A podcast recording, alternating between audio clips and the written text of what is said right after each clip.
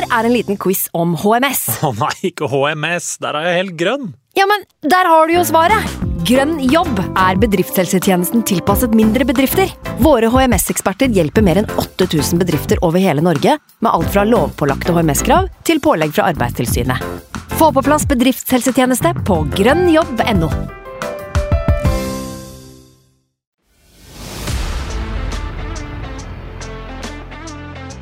When I lose a duel, I'm upset. When I lose the small side game, I'm upset. Because that's the fucking standard. Martin Odegaard into into the bottom corner. And Arsenal are dreaming.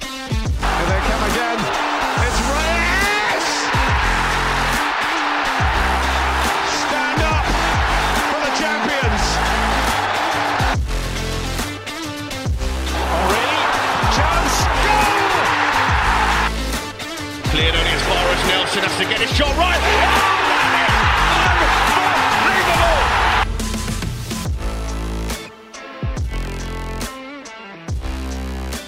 Det som skulle bli et rødfarga Nord-London, ble eh, heller frustrasjon som bygde seg opp eh, i takt med eh, stadig økende skadeliste. Derfor må vi ta podden i bruk i dag til terapi atter en gang, sjøl om det nå er en stund siden sist. Velkommen til en ny episode med Arsenal Station med meg, Andreas Larsen, Magnus Johansen og eh, Sivert Skarstein Eriksen. Alle tre er på plass i dag. Eh, Magnus, vi har prata litt om det før kampen i, i, tidligere i dag, at eh, vi var jo til stede på det her oppgjøret i fjor. Det var jo en, en gledens dag, men uh, det ble ikke sånn denne gangen. Nei, valgte jo rett år å reise på, da, kan du si. Eh, har jo hatt den motsatte opplevelsen i dag med min fjerde av sju eller åtte kamper, hvis jeg tar med til skil, hvor jeg, jeg ser kamp i reprise. Uh, Pga. Uh, den såkalte hverdagskarusellen som nå har begynt å blø inn i helgene. Eh, til og med så viktig at Nordland og Derby utgår. Eh, så nå Det her har vært eh, verst tenkelig måte å oppleve et Derby på. Og egentlig, om ikke verst tenkelig, iallfall en ganske ille måte å oppleve selve matchen på når den, når den rulla i reprise her for bare et par timer siden. Så kan kan jo ta med det med en gang, da, hvis jeg virker veldig sånn Arsenal Fan TV-esk og veldig sånn reaksjonær syn, så er det for at det er ikke mer enn tre kvarter omtrent siden jeg skrudde av TV-en her. Så beklager på forhånd. Ja, Sivert. Ettersom Magnus var, var litt i, i feil tidssone, så, så, var det jeg og du som satt og diskuterte litt i pausen og litt underveis. Det var ikke mye positivitet i den chatten. Nei, jeg, jeg er skuffa, altså. At vi ikke tar tak i en i et Nord-London-derby på Emirates mer enn vi gjør, det er jævlig skuffende. Så der uh, Magnus kanskje er dagens hete, reaksjonære mann, så har jeg rett og slett tatt meg noen timer på øya, altså. sovet litt og, ja, var så jævlig skuffa. Jeg dro rett hjem fra så kamp på pub med noen kamerater. rett hjem, sov litt, så jeg er klar. Ja, jævlig skuffa. Jeg er, kan begynne der, så kan praten gå sin skeive, vante gang siden. Ja, vi, uh, vi, må jo si at vi, vi, er jo rett og slett skuffa hele gjengen. Det var jo det ordet Ariteta var brukt rett etter kamp. Vi kan jo begynne med det som skjedde før kamp. Det lekka jo noen rykter om at det var en skade, og etter hvert kom det da til at det var Trossard. Um, det stemte. Han hadde en føling på trening i, i, går eller dagen før og, og, var dermed ikke med i troppen. Um, det betydde at eh, vår venstreving i dag, det var Jesus med en Ketia på topp. og så var det òg en Kai Havert som da var henvist til benken. han spilte 90 minutter på, på onsdag, så kanskje derfor. og og Viera har vært bra for oss i det siste, så han, han fortjente for så vidt òg starten. Um, ellers så var det ikke noen store overraskelser, gutta. Raja fortsetter i mål. Um, White, uh, Saliba og Gabriel og Zinchenko er den foretrukne backrekka. Declan Rice, som vi skal komme mer inn på etter hvert, uh, framfor da Vieira og Ødegaard. Også med da Saka, Nketia og Jesus uh, på topp. Magnus, du fikk jo med deg det her kanskje litt for sent i forhold til oss, men hvordan reagerte du på startoppstillinga? Du er på mute, Magnus. Rusten mann. Rusten gammel mann. Eller herre, er det de sier. Uh, først, det første jeg tenkte, var jo ching-ching. For det, jeg og Sivert hadde jo et veddemål eh, gående på hvilke keeper som skulle stå mellom stengene. Så starta for så vidt bra når jeg så lagoppstillinga. Det var 100 kroner rett i fòret, det. Faen, sant det. Uh, men det er klart, 100 kroner er småpenger for oss Løten-folk, så jeg skal ta for, for, den, for det. Men det første jeg vil si, er at kan ikke noen snart sette den stiletthæla ned i den jævla kakerlakken som driver og lekker fra London Colony? For nå er det faen meg snart femte gangen denne sesongen her at vi får vite, eller får antydninger kvelden før eller dagen før om at det er en spiller som har blitt skada på trening eller er ute. Hvorfor får det lov til å skje igjen og igjen? Det er han derre Connor, eh, er det Marble Halls eller noe sånt på, på, Twitter, som gang på gang kommer unna med å lekke det her. Som gir motstanderen mulighet til å planlegge ut fra det. Og så det som reagerer på, Hvorfor er det ingen som er ute og stopper den? Hvorfor skal vi vite det her dagen før? Eh, hadde Arsenal hatt interesse av at det her skulle komme ut, så hadde man gått ut med en pressemelding om at Trossard er skada. Han er ute i fire uker. Eh, ferdig snakka. Men allikevel så er det en eller annen kuk som eh, sitter på tastaturet sitt og kjenner noen som kjenner noen, og, og lekker det her. Det irriterer meg noe grenseløst. For det, ikke, ikke bare ødelegger det helga mi, men det ødelegger også litt for Michael Arteta. Det irriterer meg. Og jeg skal sitte på lørdagskvelden og kose meg med, med spekepølsa mi. Og, altså, spe Hvis det er lov å si? Hvis det er lov å si. Eh, med jalapeñosmak. Og, og, så og, så, får du liksom den servert når du sitter og gleder deg til Nordland Derby, eller du sitter og gleder deg til Fulham, eller du sitter og gleder deg til, eh, til Crystal Palace. Og det, det irriterer meg. Men uh, utover det um, at Jesus eh, starter på venstre kant, og at de, at de på en måte gjør alt de kan for å ikke få Smith-Roe eh, eller Reece Nelson i elveren. Eh, Ketia har jo på en måte forsvart en startplass, men jeg føler vi jo mister litt i den sentrallinja når Jesus er ute til venstre. Selv om jeg syns Jesus gjør en jævlig god kamp i første omgang spesielt på den venstre sida, så tar du på en måte ut det våpenet, da. den du kan slå den sentralt opp på. Uh, skal ikke han Kanskje hadde det vært bedre med Kai Havertz i dag, når, når du har David Raja, så du kan slå den uh, direkte opp på den uh, spissen du kan ta imot. For jeg føler at, at det, det, var et feil valg, og et valg Ariteta definitivt sto for. Men det kan vi jo komme mer inn på senere. Ja, og jeg syns vi ser akkurat det etter at Kai Havertz kommer innpå. Da, da har vi en å slå på. Han vinner vel alle hodedelene sine i dag. så Eh, så det hadde nok eh, garantert vært en idé. Jeg eh, syns jo som deg, Magnus, at Jesus har en veldig bra kamp på venstre, men jeg, jeg syns vi mista mer sentralt enn vi tjener på å ha han på venstre. Så litt kjipt i et kampbilde som garantert hadde passa Emil Smith-Roe godt med rom å sprenge i og, og litt mer kaos enn en det vi har sett tidligere i sesongen. Um, vet ikke, Sivert, har du noen kommentarer om, om laget før vi går videre til, til selve kampen? Nei, altså jeg, jeg savna Martinelli noe grønnjævlig i 100 minutter. Eh, jeg tror han hadde hatt Pedro Porro på toast. Uh, Jesus inn i midten og Martinelli på venstre tror jeg hadde fått en helt annen kamp. Uh, jeg syns med Raja så får vi mye, mye, mye, mange flere spørsmål enn svar i dag. Uh, OK, han hadde spesielt én gigaredning, men eh, distribusjonen hans syns jeg ikke var noe spesiell. Jeg syns han var uh, ganske shaky. Uh, altså, jeg, altså, jeg, sa jo til Magnus åpenbart det er grunnen til at jeg satt 100 flåsete kroner på at Ramsdale starter. Det er fordi at jeg sa tidligere denne uken her at jeg håper han gjør det. fordi i et Nord-London-derby så trenger vi uh, 1 opp på tenningsnivå. En som Altså, det er en veldig enkel uh, greie å dra, men en som virkelig vet hva det her betyr. En som, og jeg syns at vi mangler det egentlig gjennom hele kampen. Enketia spesielt spiller 100 minutter på hælen. Uh, det var et eller annet som var skikkelig off i det. Jeg savna Party, jeg savna Martinelli. Savna alt mulig rart, egentlig. Jeg syns White var dårlig. Jeg elsker jo Ben White. Jeg savna Timber. Jeg er, jeg er bare lei meg, rett og slett. Ja, jeg er jo eh, ganske enig med deg i at, eh, at White han har egentlig hatt en par eh, svake opptredener, spesielt defensivt. Offensivt er han med på mye, men, men defensivt har han vært svak i, i flere kamper nå, syns jeg. Men uh, vi kan jo uh, kjøre, kjøre med noen eh, innspill ifra, eh, ifra da, med en gang, at vi er inne på det. da. Eh, Bent Herrera, for å, for å ta en eh, som passer til dagens eh, følelser.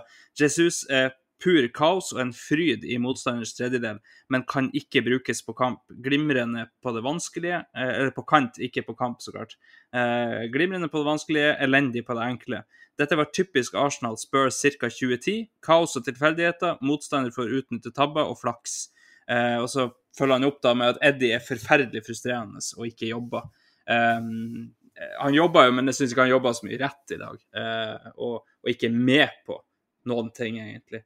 Um, Sivert, du rekker opp hånda. Du, du, får lov å, å, fortsette. Altså, jeg er enig i alt uh, som kommer etter uh, Jesus-triaden uh, hans. Jeg syns Jesus var mye bedre enn jeg forventa på de defensive løpene som Martinelli egentlig har gjort til sitt varemerke. Å være, å være, dritbra defensivt og være som en mygg oppover hele linja. Jeg synes Eh, den defensive jobbingen til Jesus i første omgang er egentlig ganske altså, Jeg syns det er bra.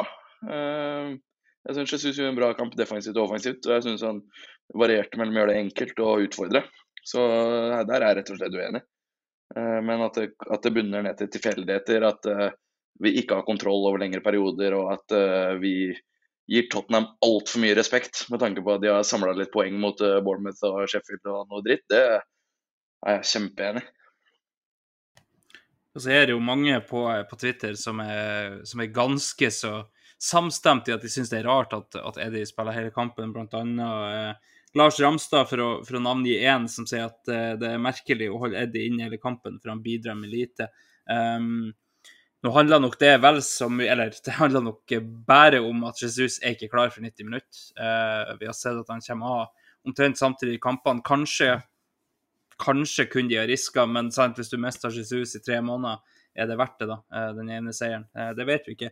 Eh, så um, enig i at Nketia kanskje ikke fortjener å spille 100 minutter i dag, men, men at Jesus må av, er jo tydeligvis noe som, som Ariteta har i, i baktankene. Hvis ikke, så, så, er det ikke Jesus som kommer av.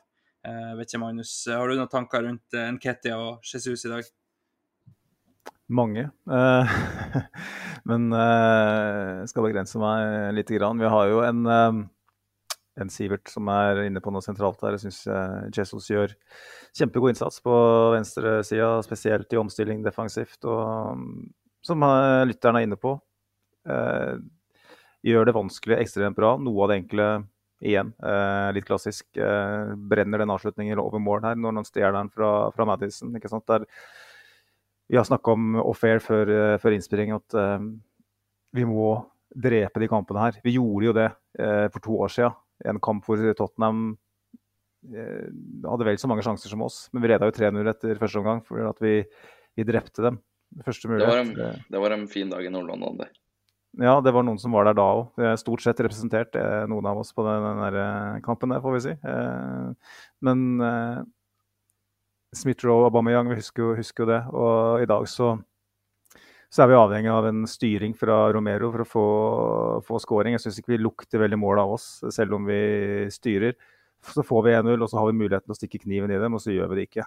Eh, og Jesus er jo en av dem, men det er også andre spillere. Eh, Nketia er nevnt. Eh, syns det er veldig rart at han får stå 100 minutter. Eh, jeg tenker at OK, er Jesus eh, ikke klar til å, å spille 100, så er det jævlig riktig å ta han av. Vi skal ikke, vi skal, spesielt med skadesituasjonen, så vi har ikke råd til å miste enda en i sentrallinja nå. Eh, men kunne man ha løst det på en annet vis? Kunne man kjørt Havertz som, som spiss? Eh, kjørte inn Smith-Roe tidligere. Smith-Roe får nå tre minutter. Eh, hva faen skal han finne på, da? Eh, OK, skårer han det målet, så, så, kan man godt si at, eh, at det betaler seg for realiteten, men det er jo nesten sånn dårlig gjort da, å bare gi inn tre minutter. Når vi på en måte ikke lukter mål på noe tidspunkt. Uh, det vi skaper, er fra dødballer, liksom. Uh, avhengig av feil i, i Tottenham. Men uh, jeg syns Nketia er Jeg syns Sivert har begrepet helt, helt spot on med, på hæla. Han, er, han går ikke i press når han skal. han går for sent på løp. Klipper jo ned Vikario. kunne fått rødt kort. viser knotter der. Eh, i veldig høy fart. Ikke, kunne ikke klaget et sekund hvis han hadde blitt utvist i dag. Og det handler igjen at han er for sen. Han er for sen hele veien. Han hadde én sjanse i første omgang hvor han lukter en feilpasning fra um, Udogi. Uh, han er spiss, jeg forstår at han går for avslutning, men uh, han setter den akkurat der den ikke skal. Han skrur på en måte ut igjen. Skrur ut på keeper. Uh, prøver å sette den på innsida av stolpen der, men han, han, han, han løfter ikke blikket og ser Vieira. og han, Når han skal sette den der, så må han sette den hardt høyt, som Saka gjør. Eh, lett for meg å si, selvfølgelig, som sannsynligvis hadde pissa på meg hvis jeg hadde stått der og fått den sjansen foran 60 000. Men eh, skuffende eh, prestasjon av Eddie eh, på nesten alle parametere, syns jeg. ingen tilstedeværelse. Eh, sent ute hele veien. Det var et, en situasjon i første omgang på 1-0, hvor kanskje var det på 1-1, hvor Martin Ødegaard stuper i press. Eh, fremprovoserer vel en pasningsfeil nesten av Tottenham. Så står Eddie på hæla i midtbanestrikkeren, og han får da en, eh, et blikk og en eh, litt gestikulering fra, fra Ødegaard. Og det, det, skjedde et par ganger til òg, hvor han eh, rett og slett ikke var der han skulle være. og det er det lov å være litt overkritisk nå og si at det her ligner litt på Eddie Nketa i fjor? Kom inn i laget, så veldig bra ut, skårte noen mål, skårte noen viktige mål. Uh, gjør mye riktig, jobber som en galeislave, stuper i press. Og så plutselig så bare fisler det ut. Uh, han, mister, han, har ikke lenger noen tilstedeværelse på topp. Han er ikke lenger den spilleren han, han var i de kampene. han, Kanskje er det motstanderen som finner ut ut av han, jeg vet ikke, men han forsvinner litt ut. og det, det var grunnen til at jeg satt han som en av sesongens skuffelser i fjor. rett og slett fordi at han klarer ikke å gjenskape prestasjoner over tid det går i tre-fire kamper. og det har vi sett nå, Dette er tredje gangen føler jeg at vi ser det med Nketia. og Han er nødt til å, han er nødt til å komme over det ganske kjapt. Eh, hvis ikke så, så, skal han se langt etter spilletid i det laget. her, For det er mange, det er mange her som kan spille på topp. Ja, og så har Sivert rekt opp hånda igjen. Han har mer enn eh, så han skal få av hjertet. Da får du kjøre på igjen, Sivert. Nei, altså, kjøre på, kjøre på. Jeg bare Jeg tror altså Arteta er uh, ruthless, for å si det på den måten. Uh, omtrent alle spillerne som er igjen fra han tok over, er akademispillere pluss Elneni. Uh, han er klin gæren i huet sitt. Uh, Ramsdale kom på årets lag, gjorde han ikke, leste jeg på Twitter i forrige sesong, og han også er eksperimentert med ut. Jeg tror at uh, sånne kamper som det her, på hjemmebane i et Nord-London-derby, når du får sjansen i 100 minutter og spiller sånn, uh, da tror jeg du er i kulda hos Arteta jeg tror at uh, Arsenal-karrieren til Nketia ikke er over, selvfølgelig. Jeg skal ikke være reaksjonær, uh, så reaksjonær, men uh, jeg tror at han havna et hakk bak i rekka nå. Og ja, det hjelper ikke å bare prestere på trening lenger, da, for å si det sånn. jeg tror vi kommer til å handle spiss som det neste storkjøpet vårt, og det er så tydelig at vi trenger det. For, for det, her, det, her, var ikke bra. Altså. Det er 100 minutter på banen i et Nord-London-derby, altså, og du ser ikke tent ut én gang. Eh, nei. På feiringa på 2-1 òg. Eh, egentlig den første som forlater eh, gruppa. Og jeg, jeg, jeg er skikkelig skuffa over alt. Og ja. Det er ikke, det er, det er ikke bra nok, altså. Nei, det er ikke det. Han, han øh han ser ut som han, han egentlig kanskje hakket for komfortabel med at det var han som skulle starte i dag, og, og gjør ikke det siste lille. Er ikke påskrudd nok, er ikke der han skal være når han, når han skal være der. Eh, og, og er på etterskudd, og som Magnus er inne på her, altså det, det er ren flaks det at han ikke drar opp det røde der når, når han klipper ned Vikario. For, eh, Jeg har ikke sett den igjen. Jeg hadde kamerater som sendte meg melding på at det der var klink rødt. Jeg ba de holde kjeft, holdt jeg på å si, men jeg må tydeligvis se den på nytt igjen. Eh, og da, det, det knotta litt eh, opp ifra bakken, og så, så saksa han eh, standfoten til Vikario i tillegg. Så det er bare flaks. Men nå er det Magnus som har rekt rakt opp hånda. Det er en fin funksjon vi har i studio her, så nå skal han få lov å kjøre litt. Han myter seg selv som en Er han seriøst 75 år. Ja, ja det er jeg. Uh, det her er et problem, for at vi har aldri drevet muta, men så fant vi ut at lydkvaliteten blir bedre hvis vi, hvis vi muter uh, når vi snakker. Og det, er bare å beklage, folkens, at, uh, at, det er noen som er 75 på den her. og er det noen som er det, så er det jo åpenbart meg. Men jeg bare tenkte Eh, jeg sitter og ser på litt tall, og um, Sivert snakker om å ikke være påskrudd uh, osv. Eddie Nketia har åtte pasninger på 100 minutter.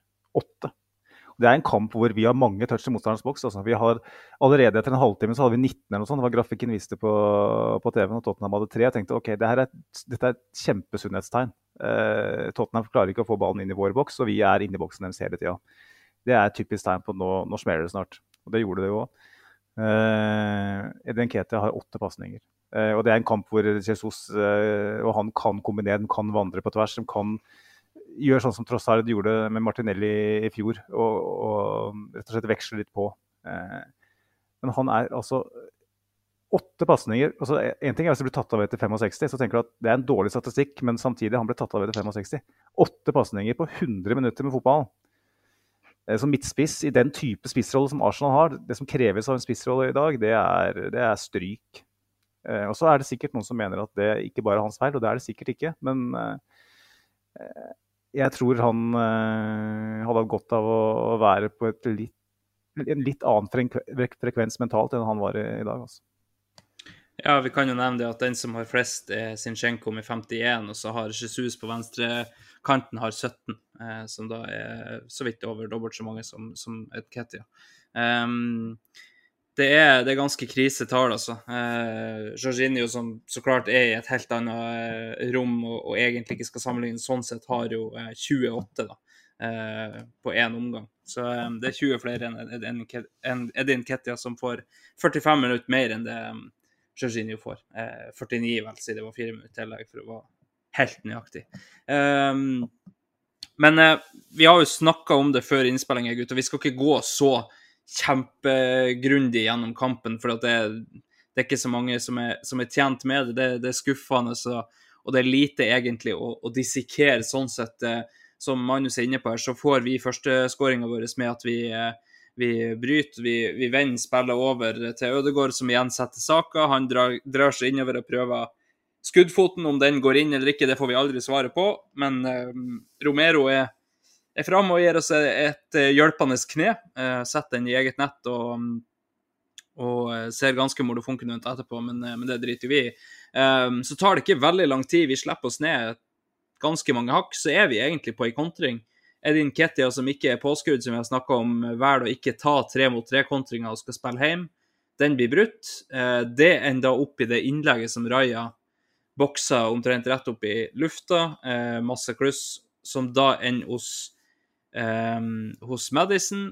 Derifra er det egentlig følgefeil på følgefeil. Det er um, Saka skal ikke slippe Madison på utsida si der.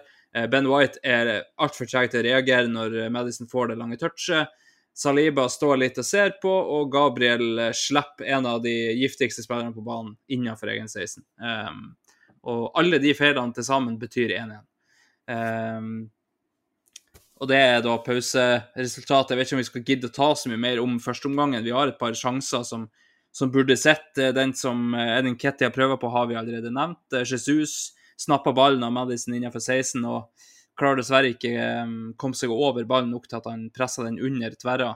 Um, og så er det noe mer sånn litt mer småsjanser, da, men, uh, men ellers er det lite. Uh, det er egentlig en omgang der vi har god kontroll de første 30, og så kommer Tottenham mer og mer inn i det etter at vi skårer. Sånn skal det jo absolutt ikke være. Um, andre omgang så er det egentlig snudd. Det er 30-35 minutter med veldig bra Tottenham, uh, før vi da tar over de siste 10 pluss 10 i tillegg. Um, men det lukta jo aldri mål, som Magnus er inne på her, og, og jeg syns det er et kjempepoeng. Vi snakka jo om det i fjor òg en, en, eller annen gang der enten jeg var gjest hos dere, eller eh, en av dere var gjest hos meg, så prata vi om akkurat det at det er litt dårlig gjort imot Smith Roe å, sette han innpå i sånne situasjoner. Um, fordi at det rett og slett Du kan bruke det som et argument på at du ikke avgjør. Um, og da, um, da blir det jo vanskelig at han skal få noe, noe mer spilletid. Sivert, du, du, har noen tanker om det? Ja, altså jeg syns jo at uh, andreomgangen vi gjør i dag, den er altså rett og slett forferdelig, altså. Uh, altså Én ting er at vi bytter oss veldig ned i pausen. Ut med Rice. OK, han har en skade, det måtte skje. Å ta ut Vieira taktisk uh, det, Jeg skjønner at han vil ha på Havertz også. Så på en måte Det kan sikkert forsvares på et eller annet vis. Men jeg syns vi bytter oss så ekstremt ned i pausen. Og egentlig jeg syns både Reece og Smith-Roe kommer for seint. Uh, altså Senior Mikkel ja, Han har litt han skal svare for etter i dag, altså. For, uh, for jeg er overraska over, over, det. Uh, så skal det jo også legges til, selvfølgelig, at eh, altså, en superpositiv supporter kan jo si at vi har enda ikke tapt i ligaen. han kan si at Tottenham leverer sesong, altså deres beste kamp denne sesongen her. Vi leverer vår verste. Og det blir 2-2. Eh, og Tottenham-fansen på Twitter snakker som om de vant. Jeg skrev jo på Twitter at Tottenham vant Nordland Derby 2-2. Uh, det er vi som er dritdårlige, og Tottenham som er veldig bra i andre omgang. Det blir 2-2. Det er jo kommer til, De kommer til å synke som et, synke som en stein bundet til et tau som kastes fra en båt denne sesongen her. jeg er ikke redd for det Tottenham-greiene i det hele tatt. Det er jo, det er jo bare rør. Å, fy faen, forbanna jeg er, altså. Sivert eh, klarer å puste seg opp eh, sjøl etter å ha, ha, fått litt skjønnhetssøvn. Um, Magnus, hva du tenkte å, å Og nå kom den, eh, Beklager, men nå kom den Enketia jeg har på kampen i bakgrunnen her mens du spiller inn. Gud veit hvorfor. Selvpining er det. Uh, det er bare rareste jeg har gjort noen gang, å sette på den kampen her. Men poenget er at nå kom den Enketia-taklinga, og det er jo det rødeste kortet jeg har sett. Ja, det, Vi kunne i hvert fall ikke klaga hvis det ble gitt rødt, og, og VAR kommer aldri til å gjøre noe med det. Eh, så nei, det er nesten litt rart at ikke VAR eh, er inne og ser på den, syns jeg. Men tilbake til deg, Magnus. Uh, ja, nei, jeg bare tenkte å si at uh, tot når Tottenham spiller 2-2 mot Arsenal, så er det som regel uh, seier for dem. De vant jo 2-2 mot Arsenal i 2004 òg, når vi vant ligaen samme dagen. Og Thierry Henry spurte Maurizio Tarico om hvorfor i alle dager feirer du? erkerivalen din har vunnet ligaen på din bane, og så står du her og jubler for at du fikk et overtidsmål og fikk 2-2. Eh, så det er jo ikke klart, eh, når, når, du er, når, du er, lillebror, så er du lillebror. Eh, og du har mindreverdighetskomplekser fra helvete. Så, sånn sett så kan vi bare kose oss med det. Og Tottenham tar veldig mye ut av det her. Men eh, jeg må jo si at jeg forstår det litt i gangen her nå. Tottenham har mista sin kanskje beste spiller gjennom tidene. Minner meg litt om når Thierry Henry forlot Arsenal. Alle sa at oi, det er, eh, det er starten på slutten for, for Wengers Arsenal. Og så leverer vi den beste sesongen Uh, egentlig, hvis, hvis, vi ser etter Invincible, så er kanskje den beste sesongen vi leverte uh, under Wenger. Den 07-08, første sesongen uten Thierry Henry. Og føler jo at vi ser litt av det samme i Tottenham. En sånn som får et større rolle. En Kulusevski som får en større rolle. Uh, andre spillere som og yngre spillere også, som, som, på en måte stiger ut av skyggen eh, fra det gamle Tottenham. Og det handler litt om managerbytte selvfølgelig òg. Jeg synes etter den sesongstarten de har levert, så forstår jeg veldig godt at de er fornøyd med den matchen her. Det er riktig at Arsenal ikke var på og ikke leverte, men det å komme inn i den kampen her med eh, Hvor mye poeng de hadde? 13? 13 poeng, stemmer det? 13, Vi endte ja. på 14 begge to etter kampen. Ikke sant. To borteseiere. Fikk en overtidsdrama mot Sheffield United sist og får den energien der. ikke sant? Klarer å finne nye måter å vinne på. Og så reiser man til Emirates hvor man nesten alltid blir spanka, og hvor styrke, styrkeforholdet egentlig skal være mer favør Arsenal enn på veldig lenge. Og så ender man opp med å, å, å få med seg et poeng, og i tillegg eh, fortjent. Så jeg forstår godt at Tottenham-fansen er høyt oppe, men eh, det er jo Det handler jo mest om at Arsenal ikke uh, møter opp i dag, syns jeg. da. Uh, og det handler også om skader osv. Så, videre, så det det er, mange faktorer som vi sikkert skal, skal inn på. Jeg vet ikke, Andrea, om, om vi skal kanskje ta andreomgangen før vi snakker mer generelt? Ja, vi kan jo blåse kjapt gjennom det. Det er jo veldig lite som, som er Arsenal-relatert sånn sett av det som skjer eh, store deler av andre omgangen. Eh, vi, vi nevnte jo så vidt at Declan Rice ikke kommer innpå etter pause. Uh, Ariteta sier etter kampen at han, han, kjente et eller annet i ryggen. Han sa ifra i løpet av første omgang at han ikke følte seg komfortabel, og etter de sjekka han i pausen, så kunne han ikke fortsette. Um, så får vi jo håpe at det ikke er noe à la Saliba, at det er halv sesong, men uh, det får bare tida vise. Um, Vieira kommer heller ikke på. Det er kanskje litt spenstig å gjøre to bytter da, på den midtbanen til pause, men det var taktisk ifølge Ariteta. Får innpå, som Sivert sier, da, får innpå Havertz uh, og garantert for å ha noen å, å, kunne slå på, i tillegg til Jesus. Um, og så, så er det Tottenham som tar over de eh, bruker det momentumet de hadde i, i slutten av første omgang, og, um, og spiller videre på det. De, de, skaper ikke sånn vanvittig mye. Det, det skal, altså vi skal jo ikke se at vi, at vi blir rundspiller i form av at de skaper så helsikes mange sjanser, men, men uh, vi klarer ikke å få i gang noe spill, og, og det er egentlig det, det mest kritiske der. Um, etter hvert så, så, er det da flere bytter. Um, jeg så på et tidspunkt Elneni varme opp, og da, da, roper jeg vel ut til fruen at hvis Elneni kommer innpå her, så skrur jeg av. For da, da, da er vi, er vi ferdige i dag. Hei. hei. Elneni skåra ikke mål, Sivert. Det, det, er at, eh, det, er hyggelig at, du har kommet inn i varmen i, i poden her og blitt ordstyrer og sånn, men eh, rakke ned på favorittspilleren min sånn, eh, Andreas.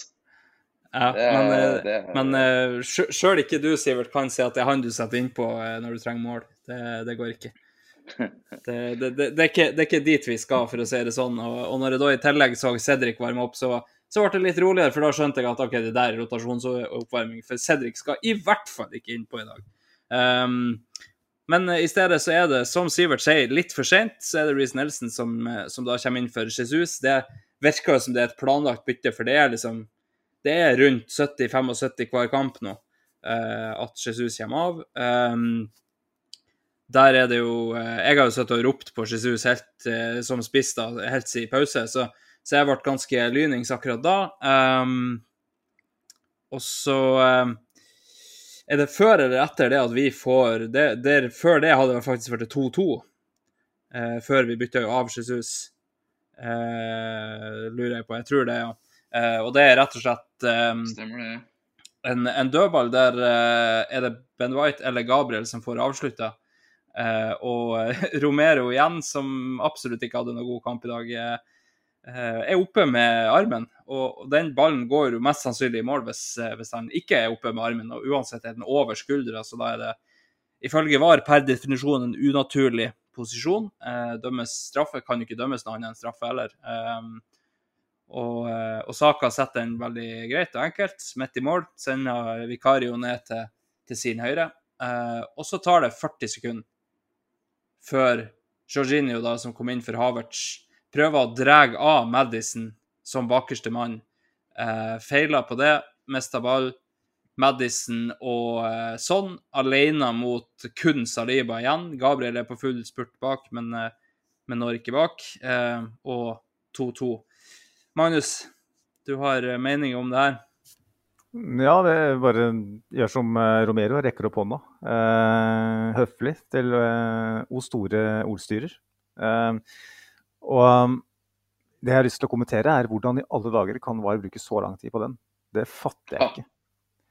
Det, det bruker jo tre minutter på å avgjøre om det er straffe eller ikke. Jeg tenker at Hvis du først tar den, så, så er jo det, det er jo Jeg lurer på om det er fordi at Gabriel sprenger ned Madison først der.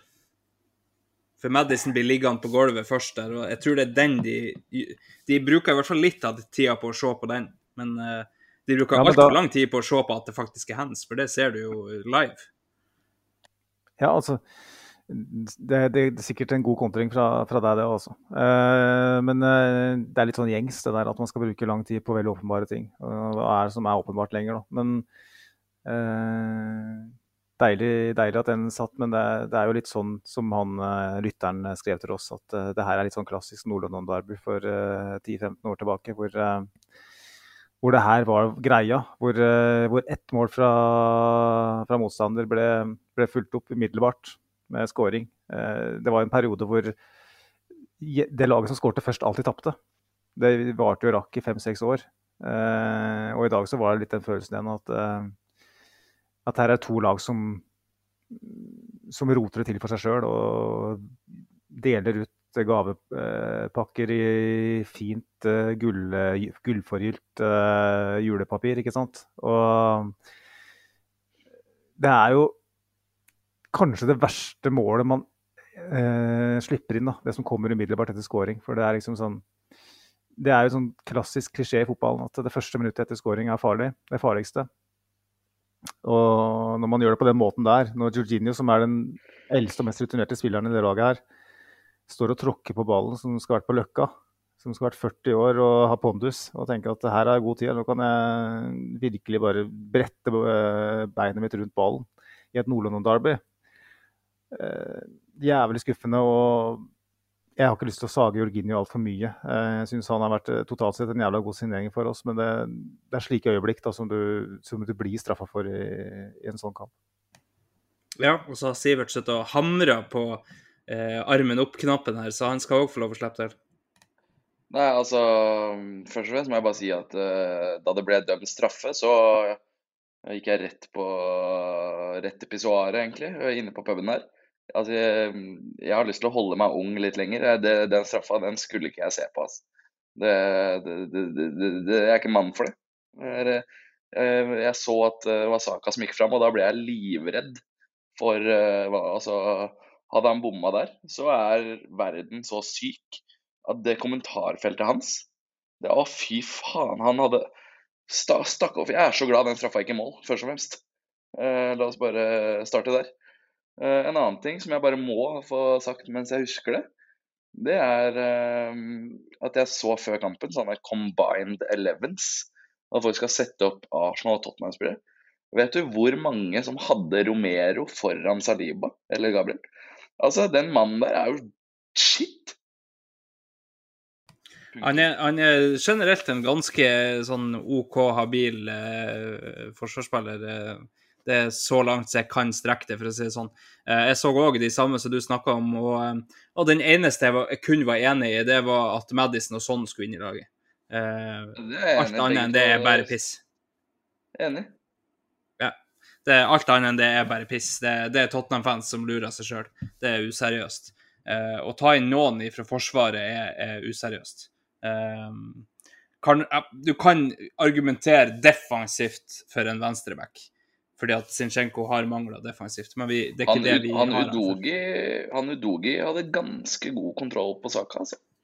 Men vi setter saka altfor lite opp imot han i, i, forhold til at han har gult kort. Ja, enig. Eh, men det er jo en uh, annen diskusjon. Uh, vi, uh, vi, står da plutselig med 2-2. og etter det så lukta det jo ikke mål egentlig av noen av lagene. Tottenham var på et par sånn halvfarlige kontringer, men Arsenal har egentlig kontroll. På ballen i, i, store deler av, av kampen de, siste, de, siste, 20, da, hvis du tar med tillegget. Teta gjør etter hvert noen bytter, de kommer litt seint. Uh, som sagt, jeg syns kanskje det er å kaste Smith Rowe litt under bussen og si her har du tre minutter, vinn med kampen, liksom. Um, det her kampbildet det ropte egentlig litt etter Emil Smith Rowe fordi at han er så god i i kaos. Jeg syns han så bra ut når han kom innpå òg, men, eh, men, dessverre så får han litt for lite tid til å skulle kunne avgjøre. Uh, med så lite effektivitet som vi har vist egentlig hele sesongen, så, så er det kanskje litt for mye å håpe at vi skal bryte gjennom et Tottenham som var meget tydelig ganske fornøyd med ett poeng, for han tar av Madison og setter på Høibjerg. Det er ikke, det er ikke et offensivt bytte, for å si det sånn. Um, det, det, er jo helt tydelig at uh, Postekoglu var, var, interessert i, i ett poeng. Sivert hamrer på knappen igjen, så han skal få lov å slippe altså, til. Altså, eh, det sekundet hvor jeg uh, tok skuldrene litt ned og ble litt avslappa på det som sagt det Tottenham-laget her ikke er til å regne med i Altså, De skal kjempe sin egen lange, sarte kamp om topp fire, men de har ikke noe med oss å gjøre. Det skjønte jeg det sekundet han eh, post og postmann eller eh, et eller annet, eh, tok inn to, gjør, altså, Han tok ut Son og Madison, var det det? Ja. Altså sam, samtidig i et dobbeltbytte. Og, og bytta seg så defensivt på 2-2 når han egentlig hadde strupetak på Arsenal. Det er altså det er Han kan si mate i intervjuer så mye han vil, altså, men det er pinglete av Smith. Jesus Christ. Men det er jo kanskje Spesielt Madison er nok den, den situasjonen med kneet som går litt feil veien der. Eh, men jeg er enig i at sånn, å ta av sånn og sette på Charlison er Men eh, så skal det òg nevnes at Richarlison hadde mål og målgivende imot Sheffield United når han kom inn fra benken. Så eh, Richarlison, Andreas. Ja. Richarlison. Tarkovskij hadde målet sist i går. Hadde du satt på Tarkovskij for sånn, eller? Ja da, men vi setter jo inn på Reece Nelson pga. det han gjorde mot Bournemouth i fjor, så det er jo ikke Altså, oh. Richarlison har mål i seg, han, hvis, han, hvis han får uh, muligheten til å vise det. Men, uh, og det viste han i Everton. Å skåre så mange mål i et Everton-lag som var så dårlig som de var i, i flere år, det, det vitner om kvalitet. Jeg er enig i at han er, han er en disgusting type, men sånn er det. Det går bra. Um, jeg, prøver, jeg prøver bare å kødde opp litt livsgnist her. det er lite livsgnist igjen etter 2-2 på, på Everett i dag. Det, det er bare sånn det blir. Tape Men, eh, 2-2, eller? Skal vi si oss eh, ferdig med kampen da, gutta? Um, det blir jo aldri noe, noe ordentlig sluttspurt fra noen av lagene. Vi, vi kommer ikke noe spesielt nærme. Uh, og, og vi enda opp med 2-2. Uh, så snakka vi litt om, før vi gikk inn i studio her, at uh, det her er jo en del av en ganske skummel trend. Og, og før Sivert eh, tredde inn i, i studio, så, så noterte vi noen tall, Magnus, eh, på eh, våre 14 siste eh, heimekamper. Altså de fire vi har hatt i år, og de ti siste fra forrige sesong. Eh, skal du blåse oss gjennom de tallene, Magnus? Da må du unmute deg sjøl først. Helvete! Jeg tror jeg skal slutte å myte meg. Det er bedre det at du får litt redigeringsjobb, Andreas, sånn at jeg skal sitte her og ødelegge for alle som hører på, med pinlige pauser. Men Det blir eh, redigeringsjobb uansett. Jeg må liksom klippe bort de pinlige eh, taushetene. sånn gammelmannslyder som er i tillegg til eh, at jeg glemmer å unnmyte meg enkelte. Det blir fint. Um, 14 siste hjemme, da. eh, inkludert årets sesong. Da er det jo åtte seire, fire uavgjort og to tap. Det er greit nok hvis du skal kjempe om topp fire.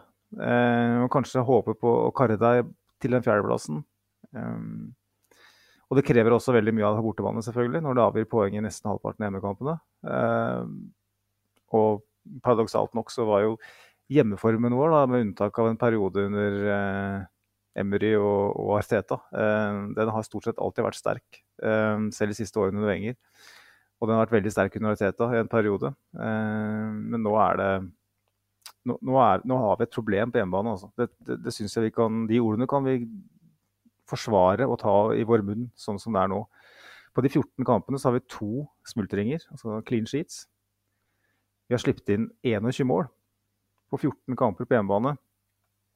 Eh, City slapp inn 33 mål totalt i fjor eh, som seriemester, hjemme og borte. Og det er egentlig ikke veldig imponerende tall. Eh, seriemesteren i Premier League har ofte færre, hvis ikke jeg tuller nå. Jeg mener jo at den ligger ofte på slutten av 20-tallet, kanskje. Eh, Er ikke Chelsea sin rekord sånn 19 eller noe sånt? jeg tror den er enda lavere. Jeg tror det er 16-17 eller noe sånt. Ja. Eh, sånn at eh, hvis du slipper inn altså, Hvis man tar snitt her, da, så tipper jeg vi ligger på en sånn 8-29 mål, eh, 7-28 iallfall, på hjemmebane. Eh, hvis vi fortsetter å, i det tempoet her. Og da det er klart da, da slipper man like mye mål inn i 19 hjemmekamper som man kanskje eh, må gjøre totalt eh, for å bli seriemester. Eh, og um, hvorfor det er sånn, det vet jeg ikke. Vi, vi, på bortebanen så er vi kontrollen sjøl. Vi, har, eh, vi er som en sånn eh, litt sånn ekkel storebror som står og holder jojoen eh, over lillebror som står og hopper og ikke, ikke får tak i den. Det er Eller en, en litt sadistisk fyr med kjøttstykke over bikkja si, liksom, som står og hopper og spretter og glefser og sikler. Jeg får ikke tak i et kjøttstykke uansett, for at jeg har tross alt to bein og to armer, mens du har fire bein. Og det føles litt sånn når Arsenal spiller borte. Palace, Everton eh, denne sesongen her, og vi, vi så det jo mye i fjor òg. Eh, mens på hjemmebane så, så har vi ikke kontroll. Vi hadde ikke kontroll mot Nottingham Forest i første serierunde. Kom gjerne og fortell meg at vi var dritgode i første omgang. Eh, fikk to kjappe mål og burde ha vunnet med flere. Ja, men vi drep ikke kampen. Og vi ender opp med å slippe inn eh, et mål på overgang. Og vi, med litt utur så kunne vi ha sluppet inn to der og fått uavgjort det første. Hjemme mot Fulham snur kampen 2-1. Slipper inn etter ett minutt igjen, da, bare for å ta den, den delen av det òg. Eh, men vi slipper inn da etter ett minutt. Klarer å snu det hjemme mot en av de dårligste lagene i Premier League, hvis du ser på tallene. De slipper til ekstremt mye. Eh, Mista sin beste spiss eh, i Mitrovic. Eh, og så klarer vi å rote det til å slippe inn, og kunne til og med tapt den kampen. Eh, på når Traore er gjennom der. Manchester United, også en, eh, en søppelfylling i lys lue, eh, hvis du noen gang har sett den, eh, det laget. Eh, Heldig som slår Burnley i går, og ellers vært helt grusomme. Eh, bare flaks at vi ikke taper den når Ganacho er gjennom der. Det er små, små ørsmå marginer. Og vi sitter igjen og sier at ja, men det var en sterk prestasjon. Vi er best hjemme mot Manchester United i stort sett i 90 minutter. Men vi har ikke kontroll! Vi har ikke kontroll. Og i dag har vi i alle fall ikke kontroll. Vi har spilt fire hjemmekamper denne sesongen. her. Vi har ikke hatt kontroll i noen av dem. Så det må jo være Artetas aller største kjepphest nå på treningsfeltet. Hvordan klare å ta kontroll på hjemmekampene. For at vi har ikke kontroll i det hele tatt. Og det er så paradoksalt. Vi har gjort grep som vi har snakket om denne sesongen her, at vi har blitt kjedelige. Vi har blitt kjedelige, for vi, vi har så mye ball og vi har så mye kontroll i alt vi gjør. Men vi har jo spilt fire av seks kamper hjemme. I fire av seks kamper så har vi ikke hatt kontroll. Så det, det her det er et problem. Eh, og det er, det er et problem vi må løse jævlig fort. Eh, hvis ikke så, så er vi hekta av i løpet av november, altså. Eh, så, eh, og vi har jo sittet hjemme nå i neste hjemmekamp, så det er klart vi kan jo Vi husker jo i fjor hvordan innebyrdes oppgjør eh, utgjorde forskjellen i, i, i gull, gullkampen. Så vinner vi der, så, så kan man friskmelde seg litt, men problemet ligger der latent akkurat nå. Ja, det gjør det. Vi, og det, det som er på en måte den sykeste detaljen her, er jo at Arteta nå i ja, over én sesong har gått og prata om nettopp det der å ta livet av kampene. Vi er nøyd å bli mer ruthless. Vi er nøyd å stikke kniven i dem. Når vi får 1-0, så må vi gå for to. Når vi får to, så må vi gå for tre. Og så, så skjer det gang på gang på gang at når vi scorer, så slipper vi oss. Da, da detter vi plutselig ned i hvert fall to hakk på nivået vårt. Og så må det et mål til på hjemmebane imot for at vi skal våkne igjen. Eh, og, og sånn kan det ikke være. Et lag som har aspirasjoner der oppe, de, de kan ikke holde på sånn. Eh, de tallene du leser opp her, Magnus, er jo, er jo skremmende.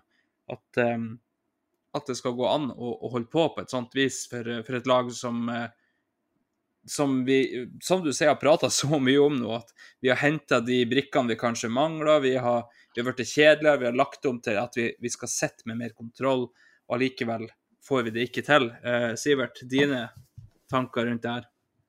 Nei, jeg bare, Mens dere prata nå, så begynte jeg å tenke på at mm, vi er tilbake i Champions League, og jeg har jo sagt hele, helt siden vi kvalifiserte oss til Champions League holdt jeg på å si, i fjor, forrige sesong, så sa jeg det at eh, den, hvis vi unngår eh, City fram til finalen, så tror jeg vi kan vinne den. Jeg tror at over to kamper så uh, kan vi slå hvem som helst i verden, har jeg i hvert fall sagt. Men eh, jeg vet ikke om jeg er helt enig med meg selv når jeg tenker på den hjemme... Altså, du, du må ha mer kontroll på hjemmebane eh, mot eh, alle lag, egentlig. eh, for å ha aspirasjoner, både i Premier League og i Champions League. Se for deg Real Madrid kommer til Emirates, og så er det så, så, er det altså så stressende og så lite kontroll. Det er jo, dette er Tottenham. Se for deg når City kommer i neste serierunde. Det blir jo stygt. Ja, akkurat Real Madrid i år er jo ikke veldig fryktinngytende. De, de avhenger Ja, av det ikke- overtidsmål det er for det Bellingham for å vinne siste kamp. det er jo ikke Tottenham og Fulham heller, mann. Det er jo, det er ikke noe kontroll i det hele tatt. Nei da, men, men eh, Tottenham har jo vært bedre så langt i år enn det Real Madrid har vært. Eh, for de det da er er vi gode, er vi gode hjemme, da, Andreas. Nei, det, det er ikke det jeg sier. Det er bare, jeg prøvde bare å skyte inn at akkurat Real Madrid er ikke noe sånn kjempeskummelt akkurat per nå. Nei, det, Um, det, det tyske Bayern-maskineriet, da. Komme til Emirates, det blir 4-0. det. Ja, de, de heller er jo ikke det de var når de slo oss eh, eh, 5-1. Men, eh, men eh, samtidig så, så ser jeg poenget ditt. Vi, vi kan i hvert fall ikke satse på at vi holder nullen imot noen av de. Det, for det gjør vi ikke. Så, så enkelt er det. Um, så er det jo eh, Spørsmålet er jo når vi nå da har, har bytta ut Vi har bytta ut keeper, og så kommer han på Emirates, og så ser han plutselig shaky ut. Um, har først et skikkelig tigersprang der, men, men så den som bokser rett opp der det er mulig å forlenge den ut til et hjørnespark i stedet, f.eks. Jeg syns han gjør en god kamp i det hele tatt. Nei, eh, distribusjonen hans helt fram til Havertz eh, kom innpå, er jo svak. Eh, Ja, altså, direkte svak, syns jeg, helt seriøst. Altså, jeg det korte treffer han på, eh, stort sett. da. Men, men det lange, det, det som skulle være hans forskjell, det, det treffer han ikke på i dag. Jeg er så lei av sånn sugarcoating. Han, han har sett dritbra ut og holdt nullen to ganger.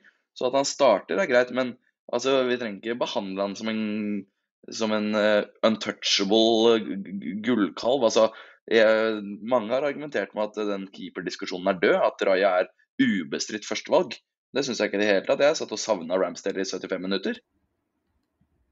Ja, nå, ja jeg, skjønner jo hva du, hva du tenker på. Eh, Ramsdale har jo heller ikke vært bra på den lange distribusjonen i år. Så eh, jeg vet jo ikke om vi eh, får så mye mer med, med å sette han inn. Eh, jeg vet ikke. Altså sånn rent teknisk Ramsdale er en veldig bra shotstopper. Raja var marginalt bedre enn han i fjorårssesongen. Kan godt hende Ramsdale òg redda den syke redninga han, eh, han gjør, uh, Raja, i dag. Uh, og så vet vi ikke hvordan han gjør det på resten. Men um, når jeg så det målet igjen et par ganger, uh, det, det 1-1-målet der, så, så tenkte jeg det at det går an å gjøre noe bedre med den ballen enn å slå den rett opp inn i egen femmeter. Ja, Sivert?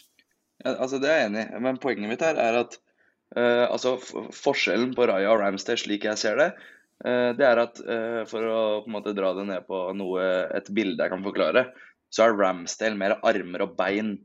Altså det skjer mye mer. Han er, han er mer Kall det uforutsigbar, ustabil, egentlig på den negative siden.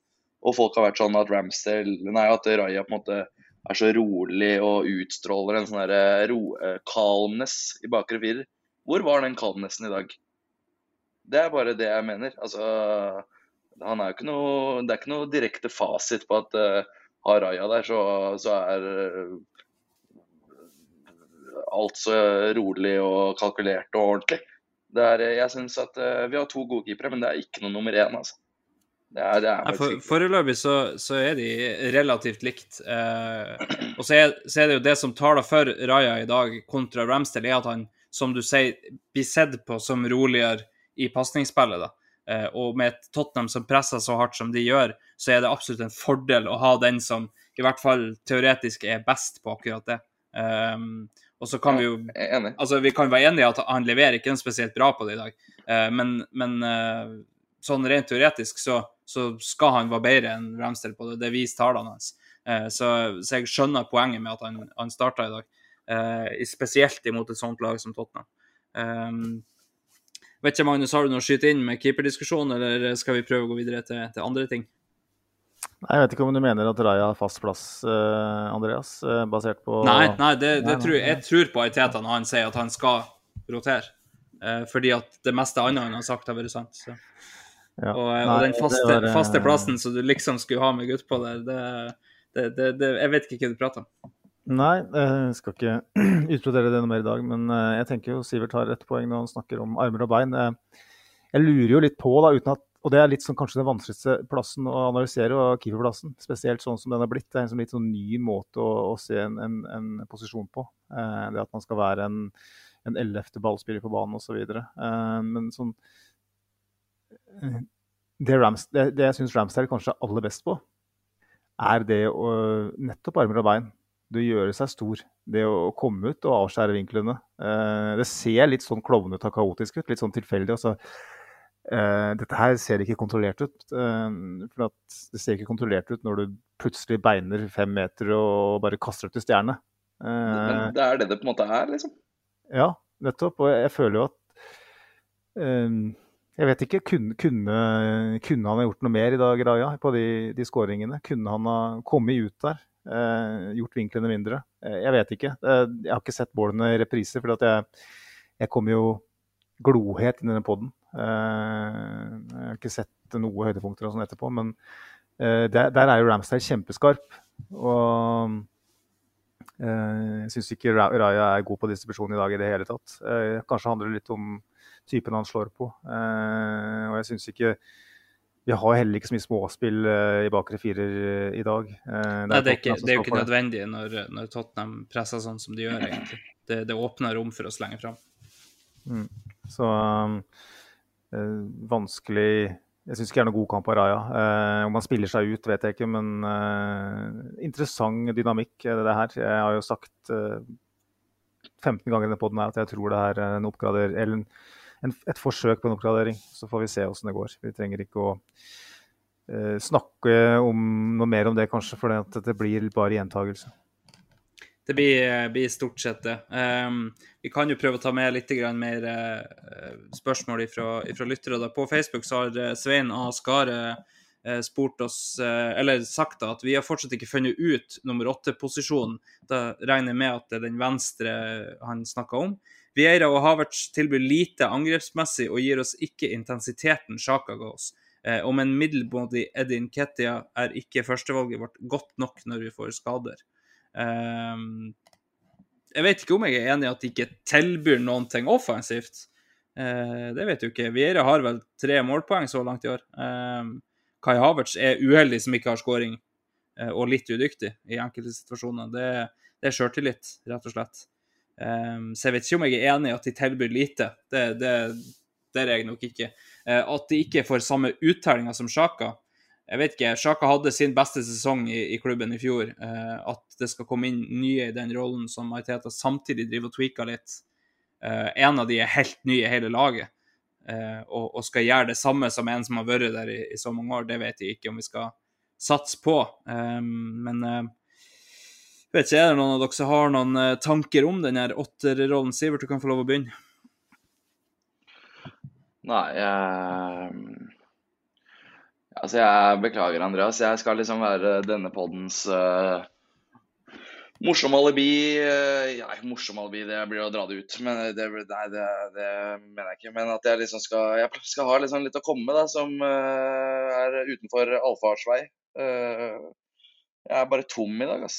jeg syns at Vieira ble tatt av taktisk, det er litt merkelig, egentlig. Jeg syns ikke han spilte seg ut, og jeg syns ikke han hadde en sånn kjempedårlig omgang. Jeg syns han har eh, strekt seg utrolig mye på et år eller annet på det å ta plass på banen, ha en eh, presence eh, og ta litt tak i kamper.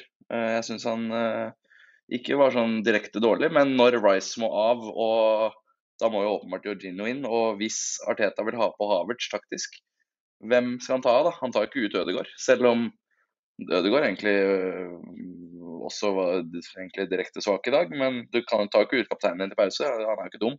Så han var bare offer for taktikken i dag, egentlig. Vera, mer enn at han var dårlig. Ja, jeg er helt enig i at eh, det er lett å forstå det taktiske der. Eh, du mister i tillegg eh, både høyde og fysikk å ta ut Rice. Skal du kjøre Vieira, Georginio og Ødegaard som en tre på midten mot Sarr og Bizuma og co. Jeg forstår veldig godt at man setter inn en mer høyreist fysisk type enn man kan slå på en som i tillegg har litt steg. Det, forstår jeg godt. Men vi savner jo Granit Sjaka, hvis, hvis, hvis, det er det som på en måte er basen for den uh, diskusjonen her. Uh, jeg er jo som deg, Andreas, uh, uenig i at, at Vieira spesielt ikke bidrar med noe offensivt. Han har mye å by på der. Men det er jo mer den tilstedeværelsen til Sjaka, led, lederegenskapen i en sånn type kamp måten han bare skyter de pasningene i, i, kanalen fra dypet når han får mulighet, i stedet for sånn som vi så eh, en del av i dag, at det, blir, eh, at det går for sakte eh, når vi har muligheten til å, å drepe den. Eh, så vi har ikke løst det venstre åtter-delen av det. Vi mangler en, en god spillende type der, som i tillegg er god på å, å komme inn på de sceneløpene i boks og, og, alt det der. Men spesielt når Declan Rice da går ut, så er både Party og Sjaka borte da, eh, fra elveren. Da, da, står det igjen med eh, hva skal jeg si, ja, eh, skjelettet bare av det, den treeren på midten. Ikke, kall, ikke for å kalle Ødegaard et skjelett, men du ser bare konturene. Eller skyggene av det som var i fjor, som, oss, som ga oss den plattformen som gjorde at vi kunne rett og slett bare stå høyt i sånne kamper og vinne igjen ballen og male på og male på. Eh, du, du, du, mister gjenvinningsegenskaper, du mister ro med ball, du mister de, de uh, spillvendingene, du mister de ballene i kanalen. Og I tillegg så var Sjaka i fjor veldig god eh, i den offensive delen med bevegelsene, som jeg syns tross Havertz eh, gode eh, bevegelser ikke har vært i nærheten enda av det Sjaka gjorde i fjor. Så det er et stort Sjaka-hull på den, den, midtbanen her, og det er en del av forklaringen. At ting ikke helt sitter ennå. Ja, Sivert. Dine meninger?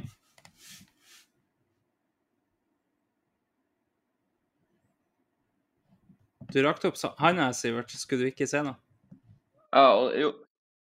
Ja, jo, det er riktig. Det det bare begynte å legge litt her. Eh, jeg syns jo også at savnet av eh, en Kall det et fysisk vidunder på midten, som det Sjaka er, blir jo veldig mye større enn det vanligvis er, med tanke på at Yves Bizoma møter opp til Nordland-derby i dag og kanskje er ja, han var, han, er, han var banens beste, i hvert fall uten tvil. Jeg, altså, det er lenge siden jeg har sett en midtbanespiller komme til Emirates så uredd og så beist som det Bizoma gjorde i dag. Altså. Ja, det, det, er jeg helt enig. Um, han, han, eh, får et gult uh, for, å, for, å, sprenge opp i trynet på dommeren, men ellers gjør han lite feil. Um, vi kan jo vi kan gå videre til, til et annet innspill, um, gutter. Silje Svendsen, vår alles trygdetur på, på Twitter, hun sier at selvfølgelig skal Zinchenko spille, men han har store defensive begrensninger. Vi ser motstander gjerne sette opp vår eller sette opp på vår venstre side. Kan vi tøle å spille med han mot lag som har gode én-mot-én-spillere, som f.eks. Kulusevski i dag? Hva du tenker om eh, det, Sivert? Eh, er Sinchenko god nok til å spille mot topplagene? Ja, det første jeg tenker er jo at uh, det er litt oversnakka, det med at Zinchenko er uh, defensiv. Det er, det er, et resultat av taktikken. At han streifer mye ut av posisjon og, og, på en måte ofte er lett å ta øh, og komme i forkant av. Og altså, dobler du opp på han, så har han ofte Han ofte, har ofte ikke noe sikring. og altså Han ser mer altså Jeg syns at han blir spilt dårlig i defensive Altså, vi ofrer den defensive siden av venstrebekken litt. Uh, og det vi får tilbake, er den dynamikken i taktikken. Altså Sett uh, Sinchenko inn i et lag som spiller med mer tradisjonell venstreback. Så gjør jo altså, han gjør det Vi har sett flere ganger at han, han har det jo i seg. Men uh, ja, det er min umiddelbare take at selvfølgelig tåler vi det. Uh, hadde vi gjort det annerledes og spilt med en defensiv venstreback, og så hadde vi hatt en inverterende høyreback, så hadde vi snakka om at han også har, har um, problemer defensivt, da.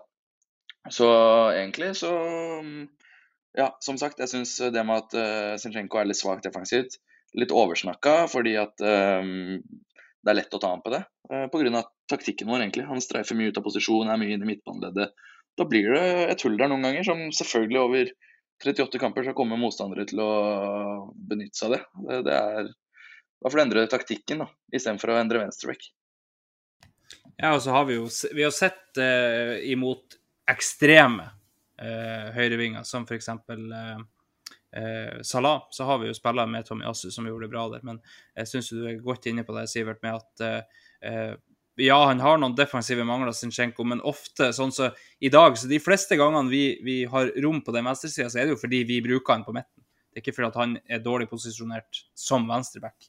Um, Magnus, du har, du har tanker rundt, uh, rundt det her? Nå var jeg borte i to minutter, så det er mulig at jeg gikk glipp av noe, men eh, forslag til løsning. Eh, adresse Emirates Stadium eh, N5. Eh, i, i, de kampene her mot eh, lag som er veldig gode i omstilling, eh, kunne man kjørt eh, Zinchenko som venstreåter og hatt en Tomiyasu som, som venstreback, som er jeg tipper jævlig god mot en Kulisevskij. Eh, f.eks. Eh, eller en Salah, som han har vist. Eller en eh, Luke Shaw. Nei, Luke Shaw, er det. Jeg tenkte motsatt ende av banen. United har ingen høyrekanter, så det passer egentlig bra. Jeg sa det på den måten. Men dere, ser, dere ser hvor penselen min maler. Uh, jeg mistenker at Zinchenko altså Jeg vet at Zinchenko kan spille venstreåtter, han gjør jo det for Ukraina.